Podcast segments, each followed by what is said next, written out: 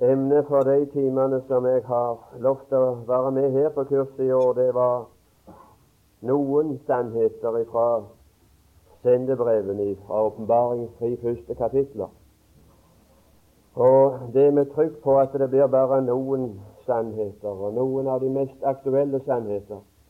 Og når jeg har drista meg til å ta fram de sannhetene fra, fra denne bok, så er det for det første at de er kolossalt aktuelle. Og for det andre så er det fordi at det er ytterst sjelden at det er anledning å få høre noe om dem. Det er bare én gang i mitt liv at jeg har hørt en eneste har talt om disse sannheter. Det var Rolf Svindland en gang. Jeg var med var sammen på Åkra bedehus for ikke så svært lenge siden. Det er i mitt liv den eneste gangen jeg har hatt den lykke og den anledning å få hørt noen sannheter fra denne del av Guds bok. Så sjelden har det vært i mitt liv. Og hvor sjelden det da har vært i ditt, det vil jeg ikke uttale meg om. Og når jeg da regnet med at til dette kurset i år så kom det noen av de som jeg regner med også er mine venner, og som jeg har blitt knytta til, så ønsker jeg å, også av den grunn å dele noen av disse sannheter med deg fra denne bok. Denne første timen det vil bli litt av grunnlaget, og det blir litt ifra den første menighet som er Efesus. Og vi kan ikke ta tid til å lese så mye. Jeg går ut ifra at når du kommer til kurset og har sett emnene, så har du på forhånd lest og orientert deg og satt deg inn i det avsnittet av Guds ord som skal bli tatt opp til behandling på kurset. Vi leser fra Johannes' åpenbarings første kapittel og de to første vers. Jesu Kristi åpenbaring som Gud gav ham for at han skulle vise sine tjenere det som snart skal skje. Og han sendte bud ved sin engel og kunngjorde det i tegn for sin tjener Johannes, som har vitnet om Guds ord og Jesu Kristi vitnesbyrd, alt det han så. Amen. Herre Jesus, vi ber om Åndens lys og Åndens åpenbarelser over våre samvær. Kan du ved din ånd la ditt lys i oss opptenne, du som bød at lys skulle skinne frem fra mørket. Du er den som har latt det skinne i våre hjerter. Du har latt det skinne til frelse. Kunne du åpenbare deg for oss i denne karakteren, Herre, som vi her leste, ikke til frelse, men som tjenere. Å, det var lynkurs, var det kalt, for å utdanne tjenere og utruste tjenere i ditt rike. La meg få lov å bli på karakteren som dine tjenere, som du kan betro deg til, Herre. Vi ber om det for ditt navns skyld. Amen.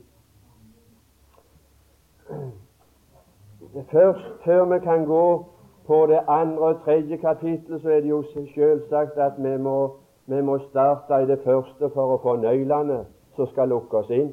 Det går aldri an å komme inn i et hus uten at uh, en lukker opp dørene og går inn gjennom dørene. Og i dette, i dette verset og i dette første kapittel er det noen nøkler som jeg bare vil presentere. og Jeg kan ikke lukke opp for din del. Og jeg kan ikke føre deg inn. Jeg kan bare føre sannhetene fram for din synsvinkel, og så kan du gjøre bruk av dem hvis du vil. Men det er spørsmål om lydighet når en sammen på bibelkurs. På en annen skole så kan en lære ved å sitte og så få det inn hodeveien, og så blir en utlært. Men dette kan ikke læres verken ved bibelkurs eller ved bibelskoler eller teologiske skoler. Dette kan bare læres ved lydighet. Husk det. Alene ved lydighet. Ved å være lydig imot det en ser. Så skal du se. Noen annen vei, noen enklere vei, fins det ikke. Det er troens vei. Og troens vei, det har alltid vært lydighetens vei.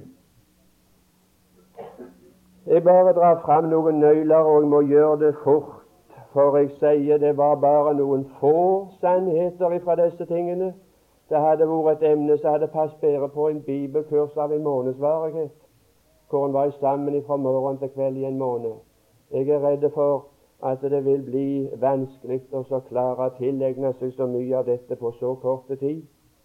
Men de har ikke tid når det er krig.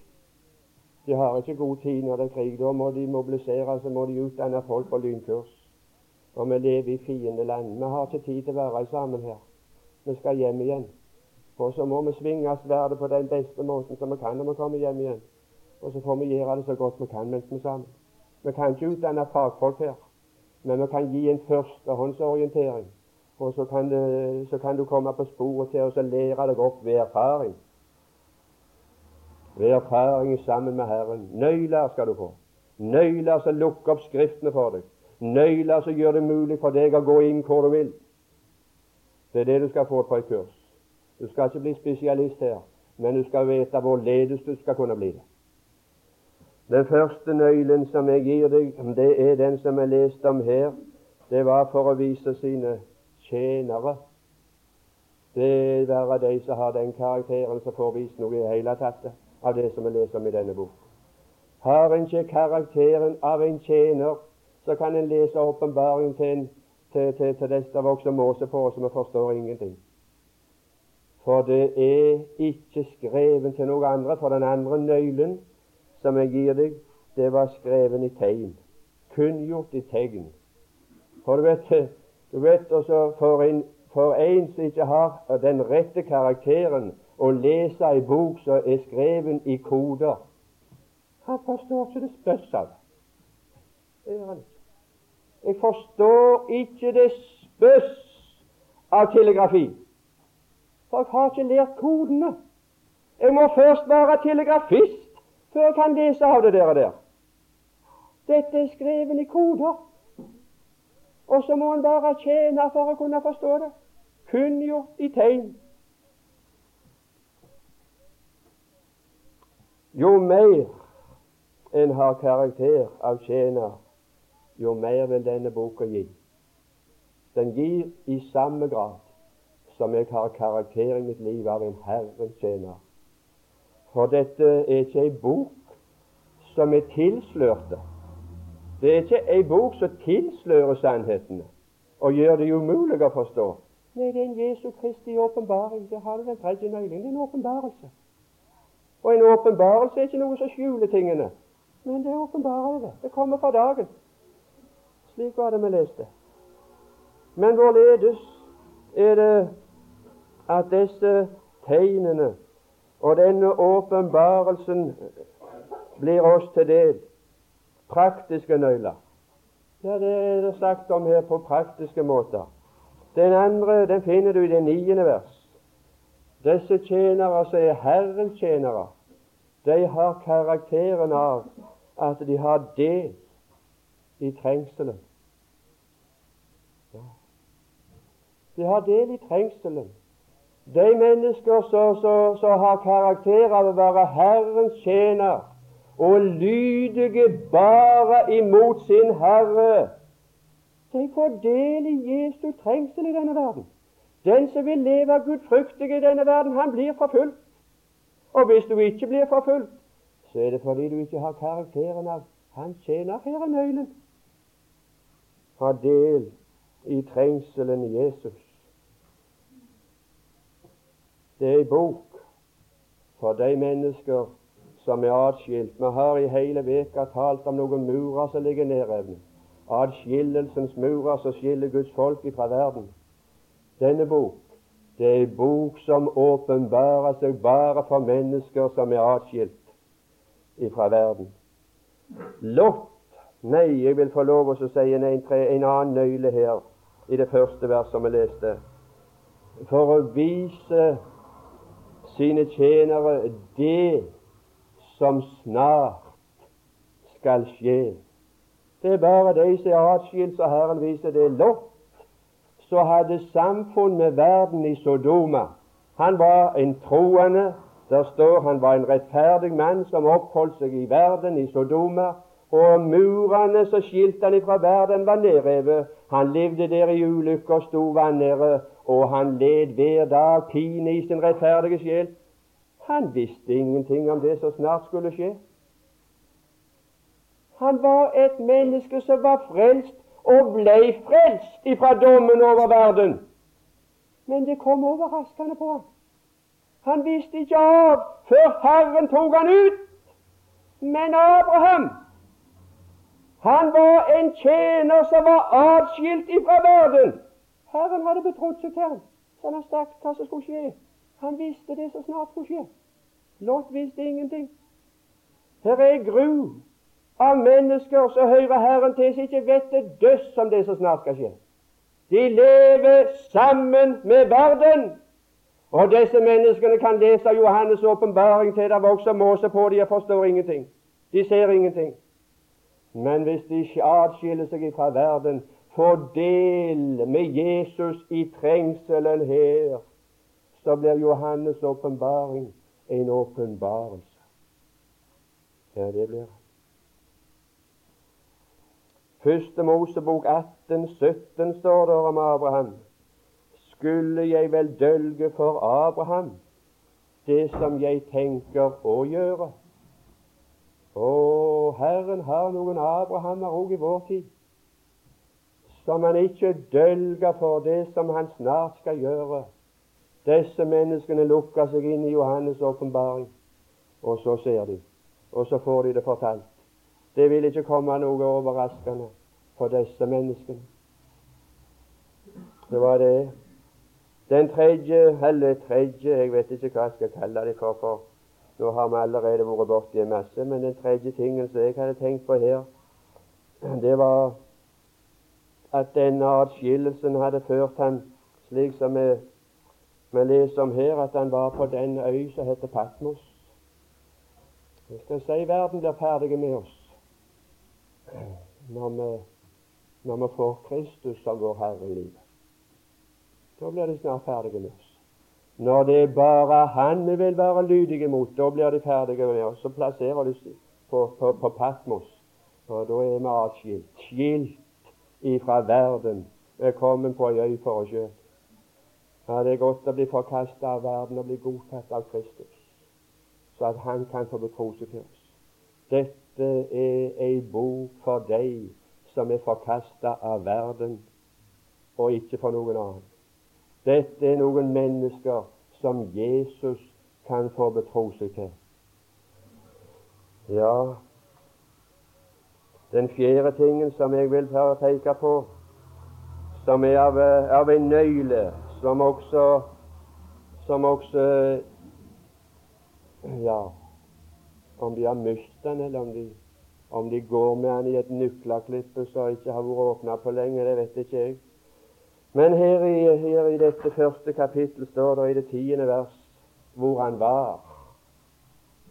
Han var ikke bare han var ikke bare forkasta av verden, han var ikke bare atskilt, men han var i ånden på Herrens dag. Han var ikke på fisketur og fiska ørei på, på søndagen. Han var ikke på jakt, og han var ikke på tur. Han var i ånden på Herrens dag. De seks dager i uka var de på den tid som Bibelen er skrevet på, pukka nødt til å være i legeme, for de var mange av de var slaver og hadde jordiske herrer som la tunge byrder på dem. Jammen santen måtte de være i legeme og ha sin tanke i sitt arbeid og gjøre sin gjerning skikkelig. Så i de seks dagene var de i legeme og var nødt til det, men på søndagen var de fri. Ja, på søndagen var de fri til å være i ånden. Og det er for mennesker som er i ånden på Herrens dag, som denne bok åpenbarer seg for. Jeg bare gir det. Du får sjøl gå inn i, i ånden på søndagene. Jeg kan ikke bruke søndagene for det. Jeg må bruke søndagene for min egen del. Det spørsmål hvorledes bruker du søndagen. Og det er ikke bare søndagene som i dag er blitt fritid. Det er spørsmål hvorledes bruker du fritiden. Ja, Herren unner meg vel ferie. Han unner meg vel å sove på søndag og hvile og gå på tur og slappe av. Ja, det unner han deg sikkert. Men det er noen han unner noe mer. Han unner noen, noen frelse. Det er det han gjør. Og i denne tid så er det ikke spørsmål om å få ha det godt, det er spørsmål om å ha del med trengselen. Så skal du bli en Herres tjener som skal kunne tjene andre til frelse. Her var det, var det krigførere som skulle utdannes. Ja.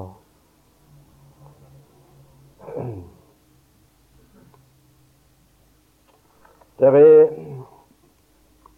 noe i forbindelse med disse sju brevene. Det var de nøklene som jeg har anledning og tid til å ta for. Det var mer i første kapittel som jeg sikkert burde tatt med, men jeg kan ikke ta med enn noe del. Det er to grunner som jeg vil gi for at disse sju sendebrevene ikke har noen ting med brever som ble skrevet til sju menigheter. Men det har med et hele som taler om en profetisk beskrivelse av menighetens historie i denne verden, fra pinsedag til bortrykkelsen, til den store trengsel. Jeg vil gi noen grunner for det. To grunner som vi finner i det første kapittel hvorfor dette er slik.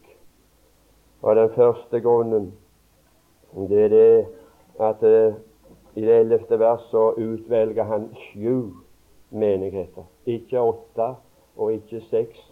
Det var mangfoldige flere menigheter i Asia, men han utvelger sju. Og sju det bruker han fordi at det sjutallet det står for hele. Det står for en hele menigheten, den fullkomne tilstand. Så Gud skriver her i denne bok til sine tjenere det som skal skje det profetiske bok om det som snart skal skje. Så Johannes fikk kirkehistorie på forhånd, og så fikk han det skrevet av Gud. Det var det som var. Menighetens historie ifra pinsedag til bortrykkelsen skreven av Gud. Tror du det er interessant bok? Tror du, tror du den er sann å stole på? Den andre grunnen, det er det som du finner i det 20. vers. Jeg leste 19 og 20. Skriv da det du så, både det som er, og det som heretter skal skje. 20. vers. Hemmeligheten med de syv stjerner som du så i min høyre hånd, og de syv gullysestaker. For de syv stjerner er engler for de syv menigheter, og de syv lysestaker er syv menigheter. Der har du sagt at dette det er en hemmelighet med disse menighetene. Det var ingen hemmelighet med Kolossenserbrevet. Det var ingen hemmelighet med Tessalonikabrevet. Og det var ingen hemmelighet i Romerbrevet eller i noen av de andre brever. Men det som skrives her om disse sju brevene, her er det en hemmelighet med det. Og denne, den hemmeligheten består i at dette er profetisk tale som forteller om det som heretter skal skje.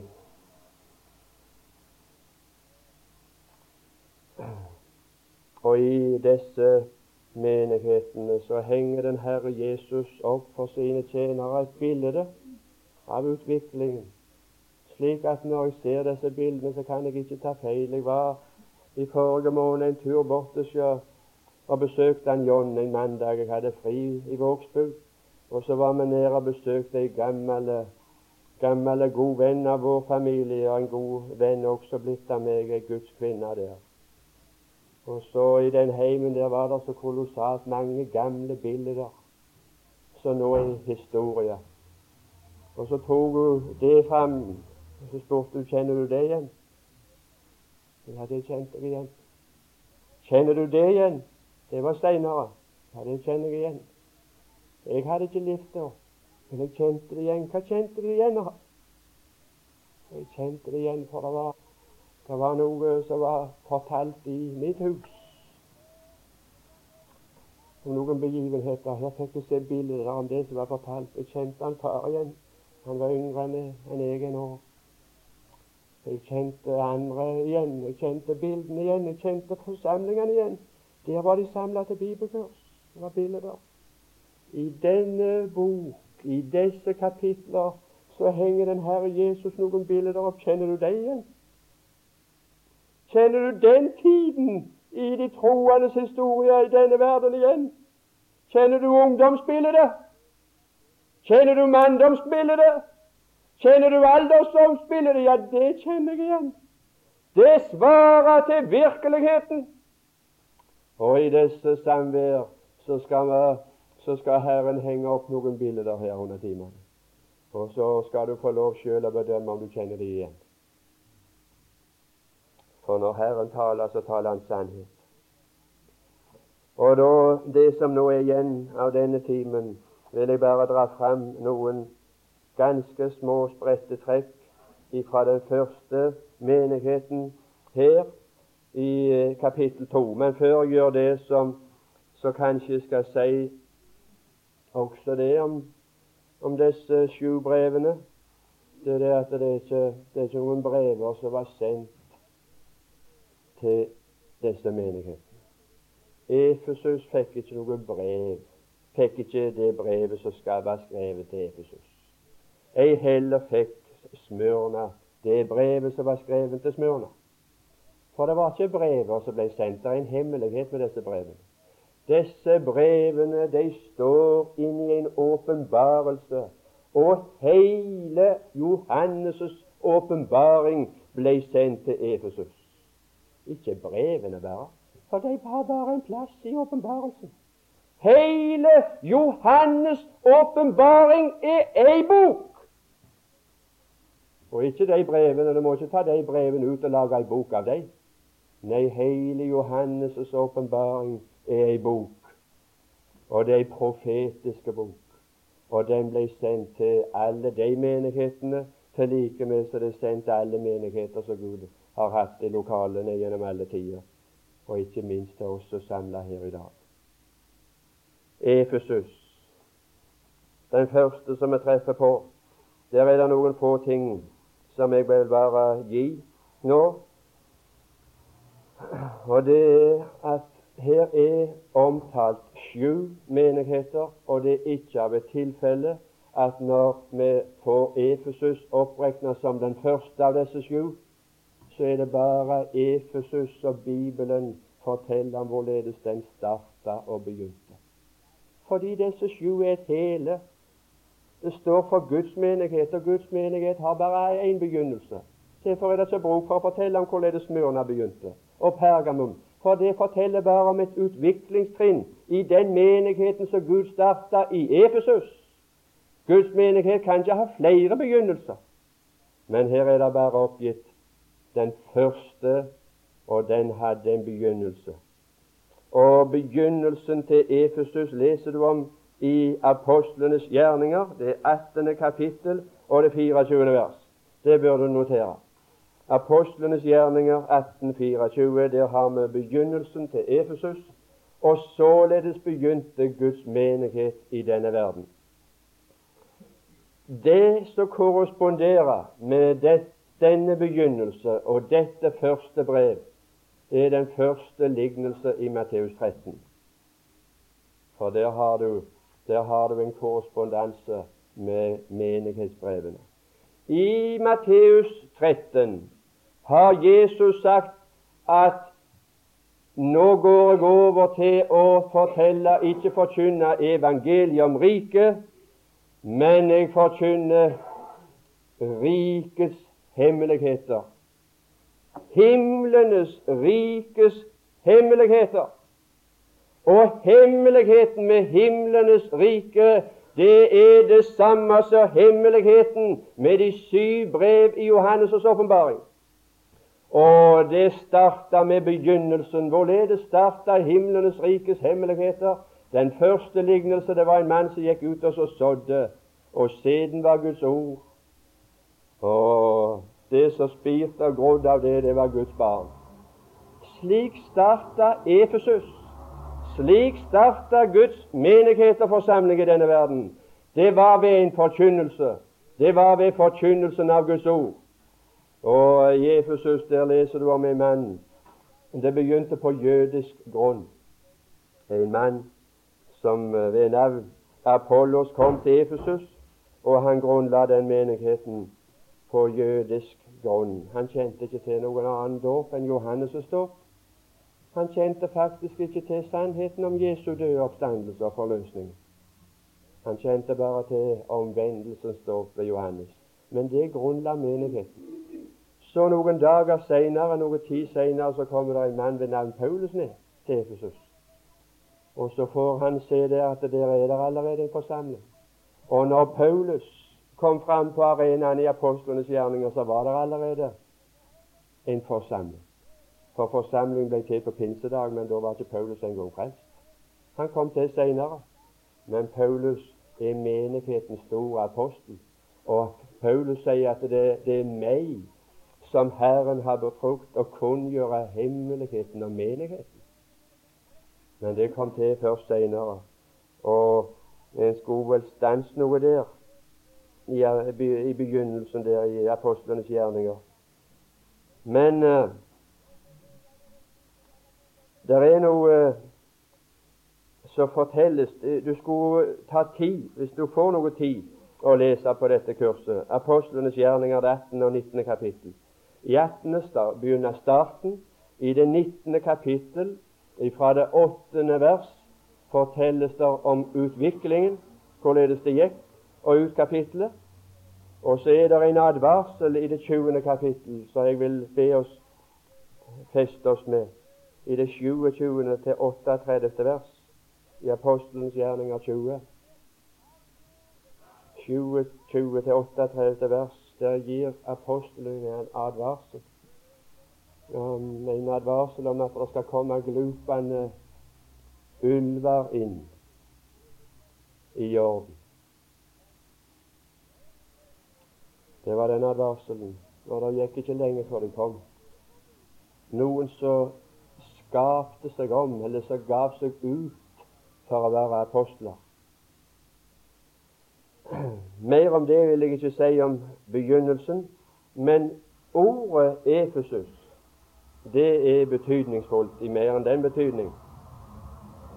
Det betyr ordrett attråverdig. Efesus betyr attråverdig.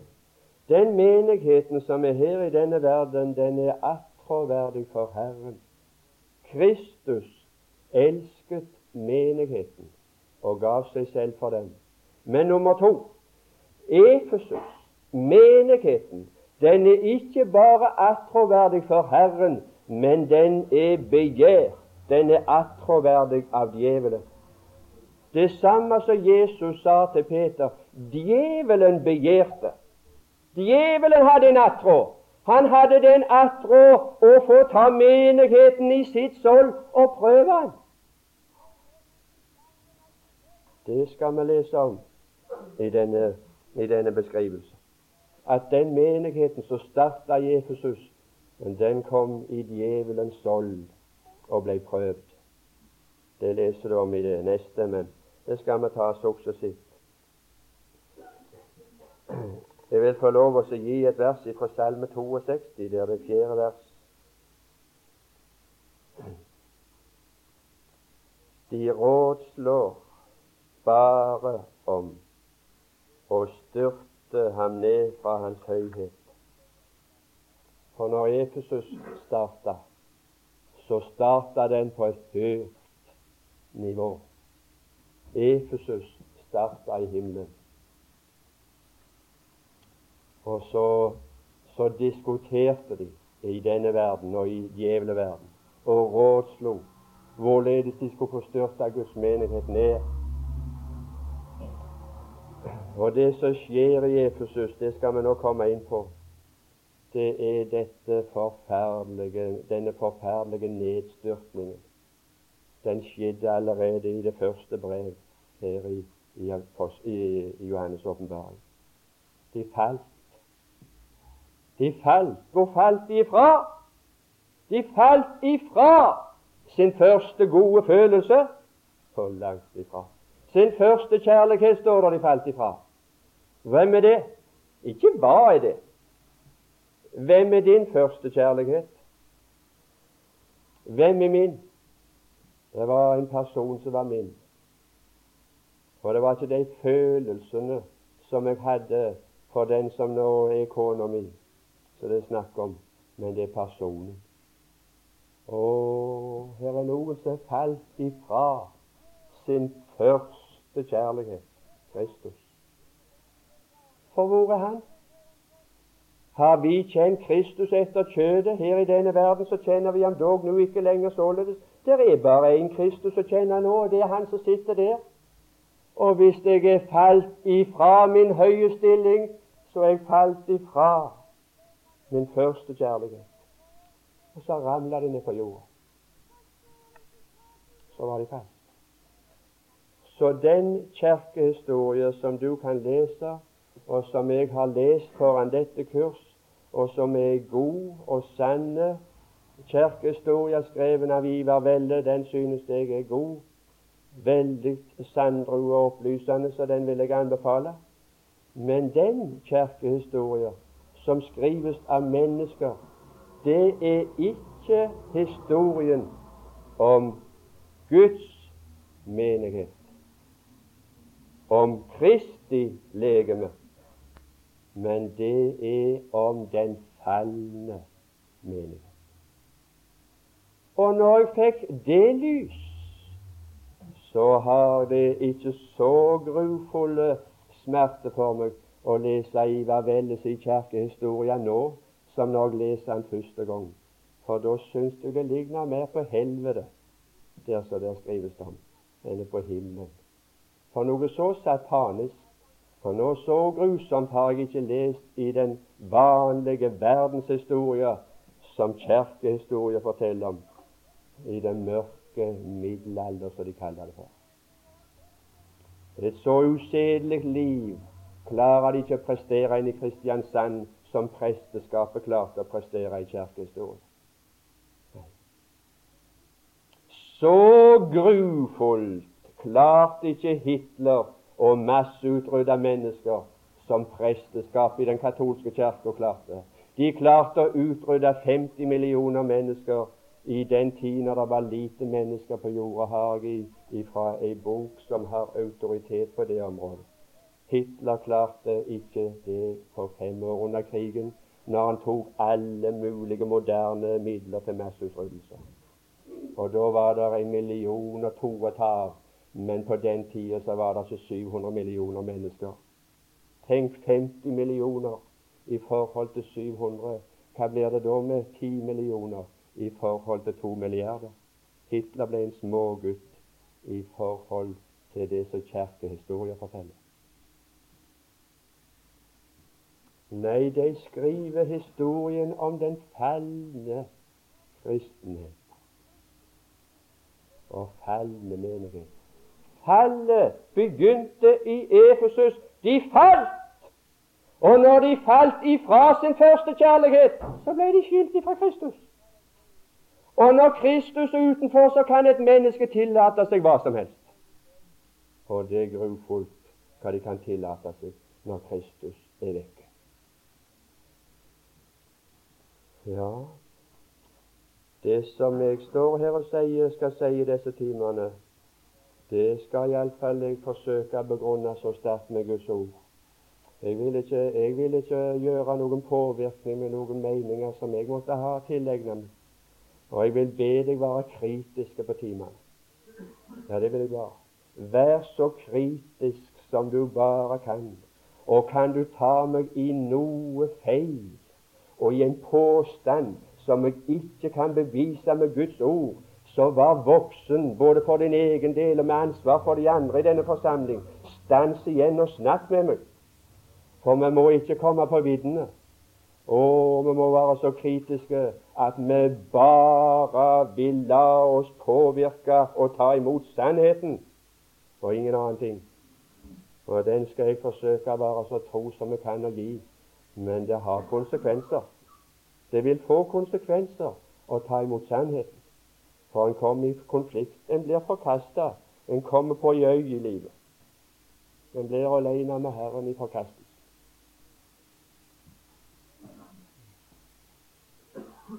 Ja, det var lest noe her fra Matteus, men jeg skal lese et ord fra Matteus, 5. kapittel og 28. vers. Du skal få se et vers som nå omskrives. Og Jeg vil få lov å knytte inn i en parentes her. Jeg vil advare imot den eh, nye bibeloversettelsen som vi har fått i Norge, som kalles ungdomsoversettelsen. Ikke fordi at jeg er imot Bibelen, nye bibeloversettelser som kan gi oss Bibelens sannheter på et språk som er moderne, og som det er lett for oss å forstå, men fordi at det er en fortolkning som ligger bak. Det verset er omskrevet for å ta bort noe. Matteus evangelisk femte kapittel og 28. vers. Den som ser ser på en gift kvinne for å begjære henne, han har alt drevet hor med henne i sitt hjerte. Efesus, her ser en hjertets frafall ifra Herren før føttene går. Når en mann ser på en gift kvinne for å begjære henne, så har du fallet i hjertet før det har skjedd i praksis. Det er det som er. Og så er det ikke lenge før det skjer i praksis. Og jeg kan fortelle deg om og dette er ikke noe som skal, skal bortforklares og omskrives. Hvis jeg som en gift mann ser på en kvinne for å begjære henne, så har jeg allerede falt. Hvem ifra? Ifra min kone ifra min første kjærlighet. Da har jeg tatt en ny i hjertet. Å, sånt er det.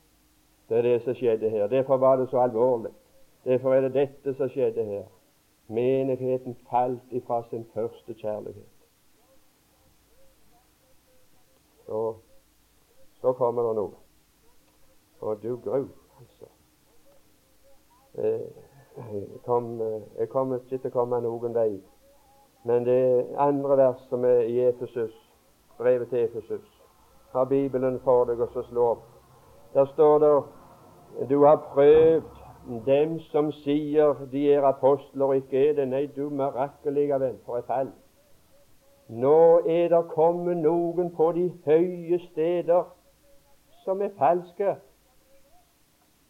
Ja, det er det.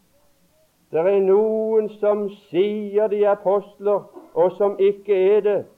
Du har funnet ut de er løgnere. Hvorledes skal du kunne finne ut det? Hvorledes var det mulig å finne ut at de var løgnere, de som satt der på, på apostlenes embete nå? Jeg skal gi deg en nøkkel, et vers, og avsløre de alle til hopet, om det sitter noe nå. Efeserbrevets er Feserbrevets fjerde kapittel og det ellevte vers.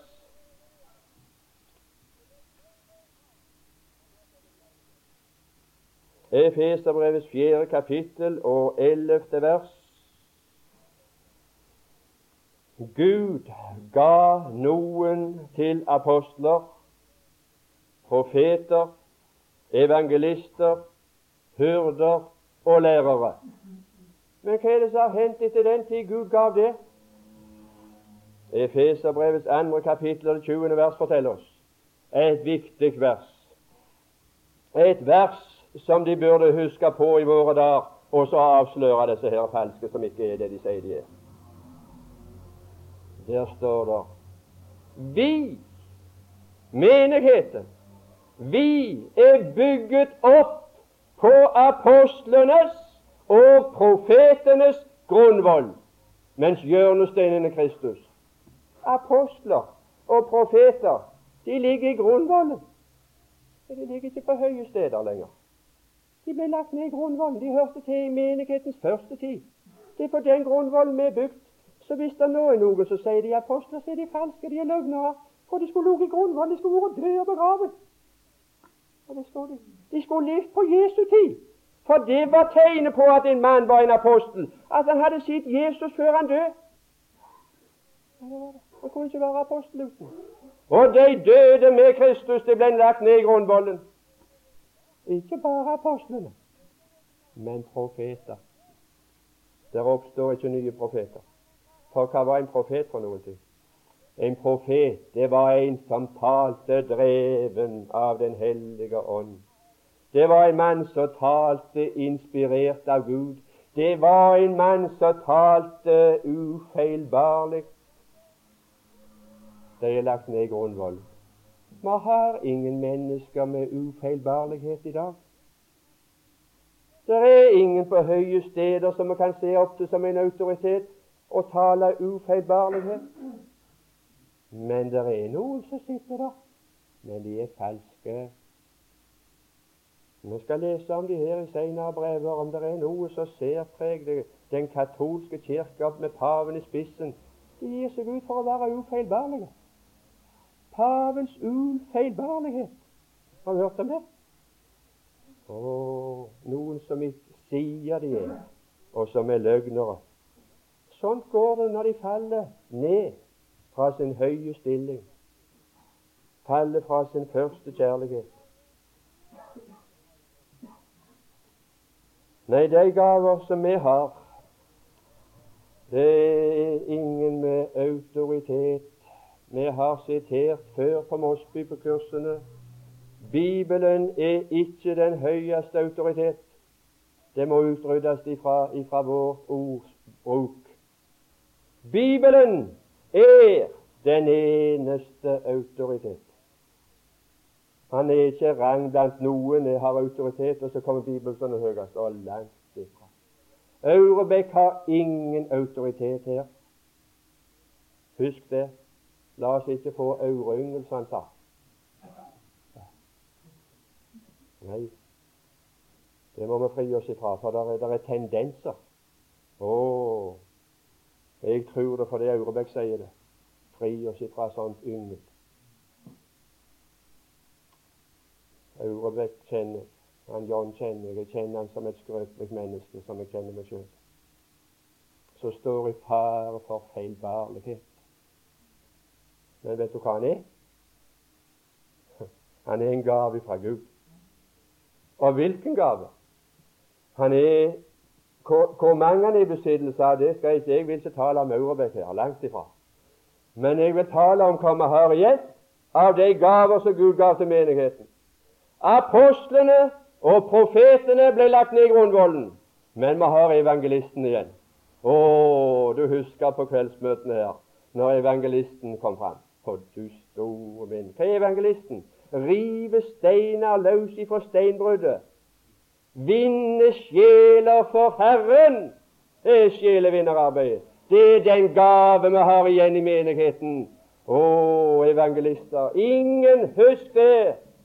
Så kan jeg slippe gjerne få sånne brever fra dere som er på kurset, at det står 'evangelist', Arnold Bjerkreim. Det må bli forbudt. For ingen kan ha evangelist som tittel, for det er ikke tittel. Det er nådegave. Og du må ikke titulere mennesker med nådegave. Kall ingen for evangelist. Jeg kalte for en eller annen ting hvis du absolutt skal kalle dem, men Bibelen kaller dem rett og slett for John og Arnold. Ingenting. Titlene er vekke, for det er ingenting som har noe med titler her å gjøre. Jeg, jeg er intet uten noen tittel, uten noen portefølje, uten å måtte være en dårlig. Å, la oss huske å forsøke å glemme den der dårlige porteføljen, for i Kristus så anser vi oss som, som, eh, som nye. Uten den gamle porteføljen, der har jeg ingen tittel. Uten det. Guds barn og Arnold Bjerkreim, det kan du i tilfelle skrive. Bare skriv det. Til Guds barn på Karmøy, Arnold Bjerkreim. Det kan du få lov å skrive. Men ikke evangelist. Det, det, det liker jeg ikke. Og så har vi noen flere igjen. Hurder. Når, når evangelisten har vært der, og da har jeg sett hurden straks han er der mens de samme talen, så forsøker han å samle disse her som er vunnet for Herren, til ei lem på Kristi legeme. Det er Hørdens oppgave. Å få samla de mange til ett i Kristus. Én jord og én hyrde. Det er noen underhyrder. Det er noen som har denne hyrdens egenskap. Ikke som de som vil herske. Å, du store min. Ikke som de som vil herske over jobb. Men de som har Kristi sinnelag, så det ligger de på hjertet. Å, du må se din stilling i Kristus. Du må se din stilling som et lem på Kristi legeme. Den omsorgen de legger for dagen for de nyfrelste og at de får se seg som nye mennesker i Kristus. Å, det er hyrder. Det er ikke autoritet, det er gaver. Det er ingen som kan utdanne seg til. Ingen som kan autoriseres til. Nei, det er noe som Gud ga til menigheten. Hyrder. Og så er det tredje lærere. Der er det òg igjen. Du må ikke skrive 'lærer'. Jo, du kan skrive det til John, men ikke til meg. For han er folkeskolelærer, så det er en viss begrunnelse der. Men uh, den tittelen trenger han ikke når han er på bibelkurs. Så der skriver de rett og slett John Aurebekk uten noen tittel som lærer. For det er ikke som folkeskolelærerne her. Men det er fordi han er i besittelse av en gave. Og det er ikke en tittel, men det er avslørelsen han står her. Og hva er det lærerens oppgave består i? Det er å lukke Skriften opp. Det er å lukke Skriften opp. Å, du store min, på hvilken måte det skjer? Ikke, ikke det, det, Er du frelst, så, så, har du fått ditt syn, og da har du fått dine øyne. Og vi er i dagslyset. Ja visst, altså. Og vi har alle i dag sittet samme, så, så det er ingen forskjell på det. Men det var nødvendig altså plutselig her når vi skal begynne bibeltimene, så gjør han John oss oppmerksom på noe på himmelen. Så, så, så jeg òg har sett, men jeg har ikke oppfatta det. Jeg har ikke sett det. Han bare ler om det, vi gjør ham oppmerksom på det. En morgen uten skyer. Jeg hadde sett det, men jeg var ikke oppmerksom på det. Og så ser jeg det fordi han gjorde meg oppmerksom det. Er lærerens oppgave. Ikke å gi deg syn, Nei, men også bringe fram for din synsvinkel det som allerede er i dagen. Ah, nei, Det har jeg aldri sett før, at den blommen var utsprunget der. Så sa kona har du sett Se den, Arnold! Og så kom jeg hjem av og til og så spør kona mi hvordan var det der i det huset der som du bodde nå. Hvordan hadde de det? Hva slags møbler var det der? Jeg hadde jo sett det, men jeg var ikke oppmerksom på det. Hadde, hadde det vært en som hadde Å, se den stolen, så hadde jeg huska den. Jeg huska ingenting, for jeg hadde sittet og ikke oppmerksom på den. Ah, lærerens oppgave består i å gjøre oss oppmerksom på tingene. Ser jeg det? Har du aldri lest? Jesus gjorde dem oppmerksom på noe. Det er gavene det Gud har gitt. Til Efesus kom det noen og sa de var apostler. Men eh, den advarselen som var gitt menigheten i Efesus, apostlenes gjerninger 2029, den huska de på. Og så avslørte de de var ikke apostler, men de var glupende ulver. Det var det. De som gir seg ut for å være apostler i vår tid, det er ikke bare det at de er falske, men de er glupende ulver. Mm. Ja, ja. Og de som sier de er profeter i vår tid, det er glupende ulver. Første Korintiabrev, 13. kapittel og det åttende vers. Første Korintiabrev 13, 8. Profetisk gave skal få ende. Når skal profetisk gave på til ende? For, for de sier jo i vår tid at det er noen som taler profetisk. Og jeg kan bare sitere uten at jeg tror jeg siterer feil. Det er kanskje litt farlig når jeg ikke har det sånn som han John. Han sikrer seg. Jeg litt, lever litt for mye på slump. Derfor skal jeg altså ta meg igjen. Jeg skal ikke sitere seg til det men jeg har iallfall lest.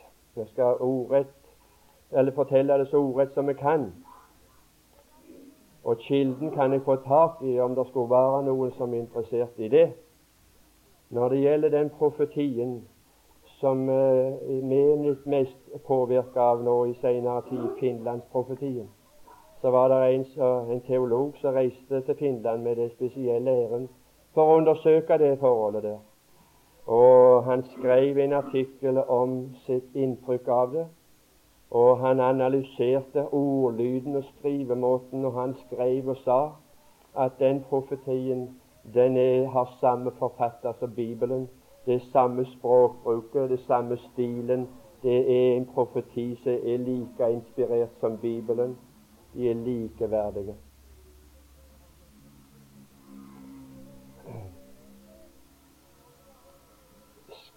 Venter vi på den tiden at profetisk gave skal få ende, eller har den fått ende? Når profetisk gave skal få til ende, sto det i det åttende vers, niende vers.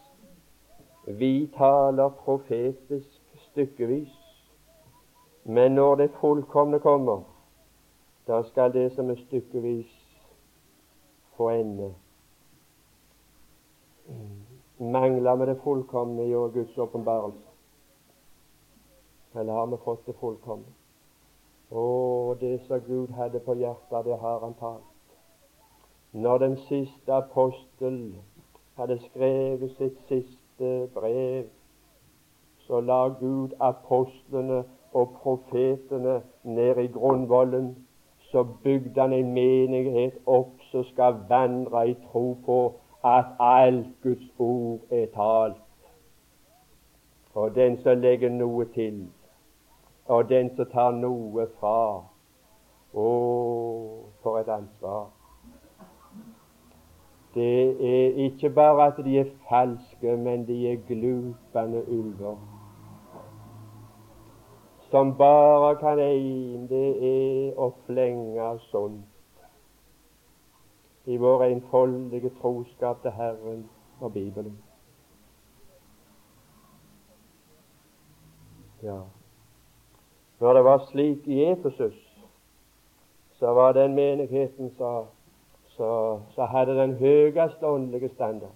Når det gikk slik der, tror du vi står i fare for å besmittes av slikt noe?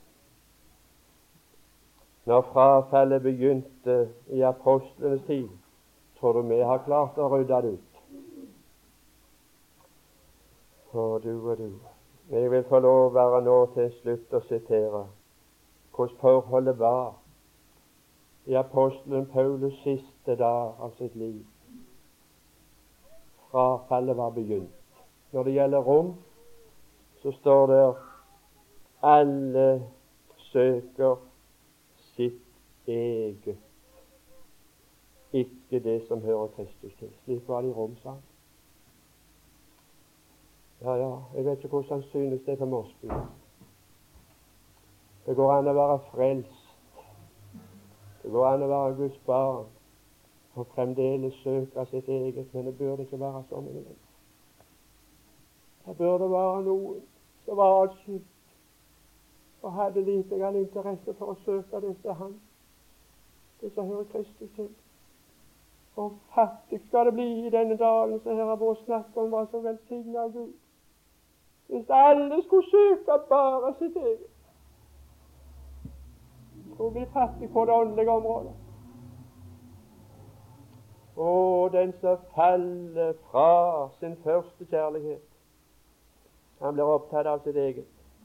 I Asia der står det alle de i Asia vendte seg fra meg. Det er sånt at du kunne Det står i 2. Timotius 1,15. Det er forskrekkelig. Det er forskrekkelig for en apostel å forlate denne verden og denne menigheten. Som har blitt frelst av nåde, og så ser han utover dem, og så finner han alle vei.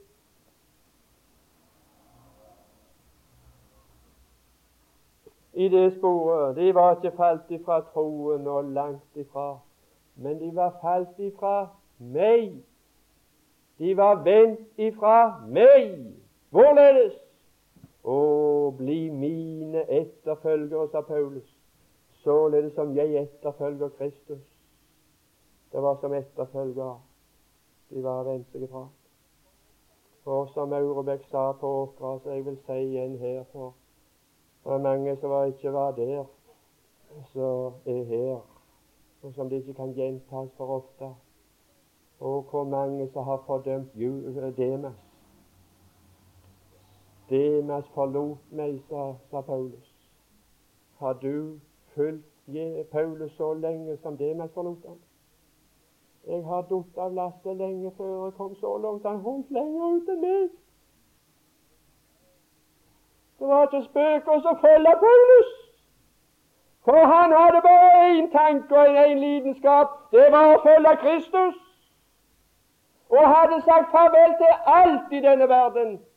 Å, det var ikke greit for meg iallfall, som en giftemann, så har kona er glad og så har båten som jeg glad i. Jeg sier det altså at det er, det er noe i denne verden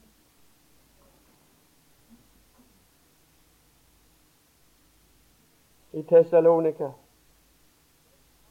Annet Tessalonika-brev, det andre kapittel og sjuende vers, hvorledes var tilstanden blitt der? Lovløshetens hemmelighet er alt virksomt. Det var det han så der. Og i Johannes, tredje Johannes brev, der så han Antikrist. Det er mange antikrister. Diotrefus, som gjerne vil være førstemann iblant dem. Har du truffet noen slike som gjerne vil være førstemann i menigheten, som gjerne vil bestemme, som gjerne vil styre og bestemme hva andre skal få høre, og hvordan andre skal ha det? Hvordan de andre, andre, andre Det står de tok ikke imot oss. Han tar ikke imot oss. Diotrefus som gjerne vil være første mann iblant dem, tar ikke imot oss. Det må være svært å være nidkjær for Herren og så ikke ta imot himmelens apostel.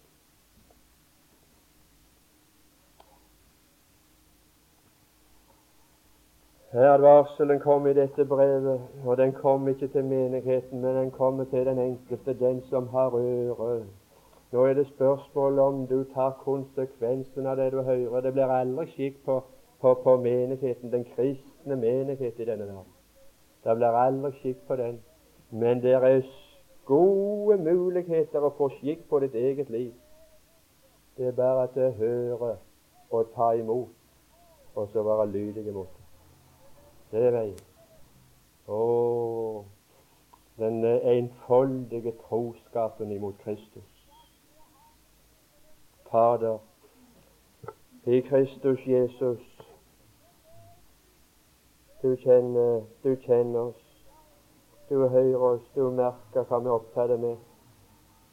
Kan du, kunne du ved din ånd gjøre det mulig for den enkelte her at vi blir oppmerksom på sannheten.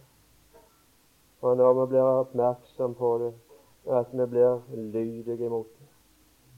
Salige er I, så fremt i gjør det jeg sier. Velsign dagene for oss, og velsign disse timene som ligger foran oss. La det være en åndsutrustning som vi blir gjenstand for her, med himmelsk kraft og med himmelsk mot, og så fører oss i forkastelsen sammen med deg mens vi er her i denne verden. Amen.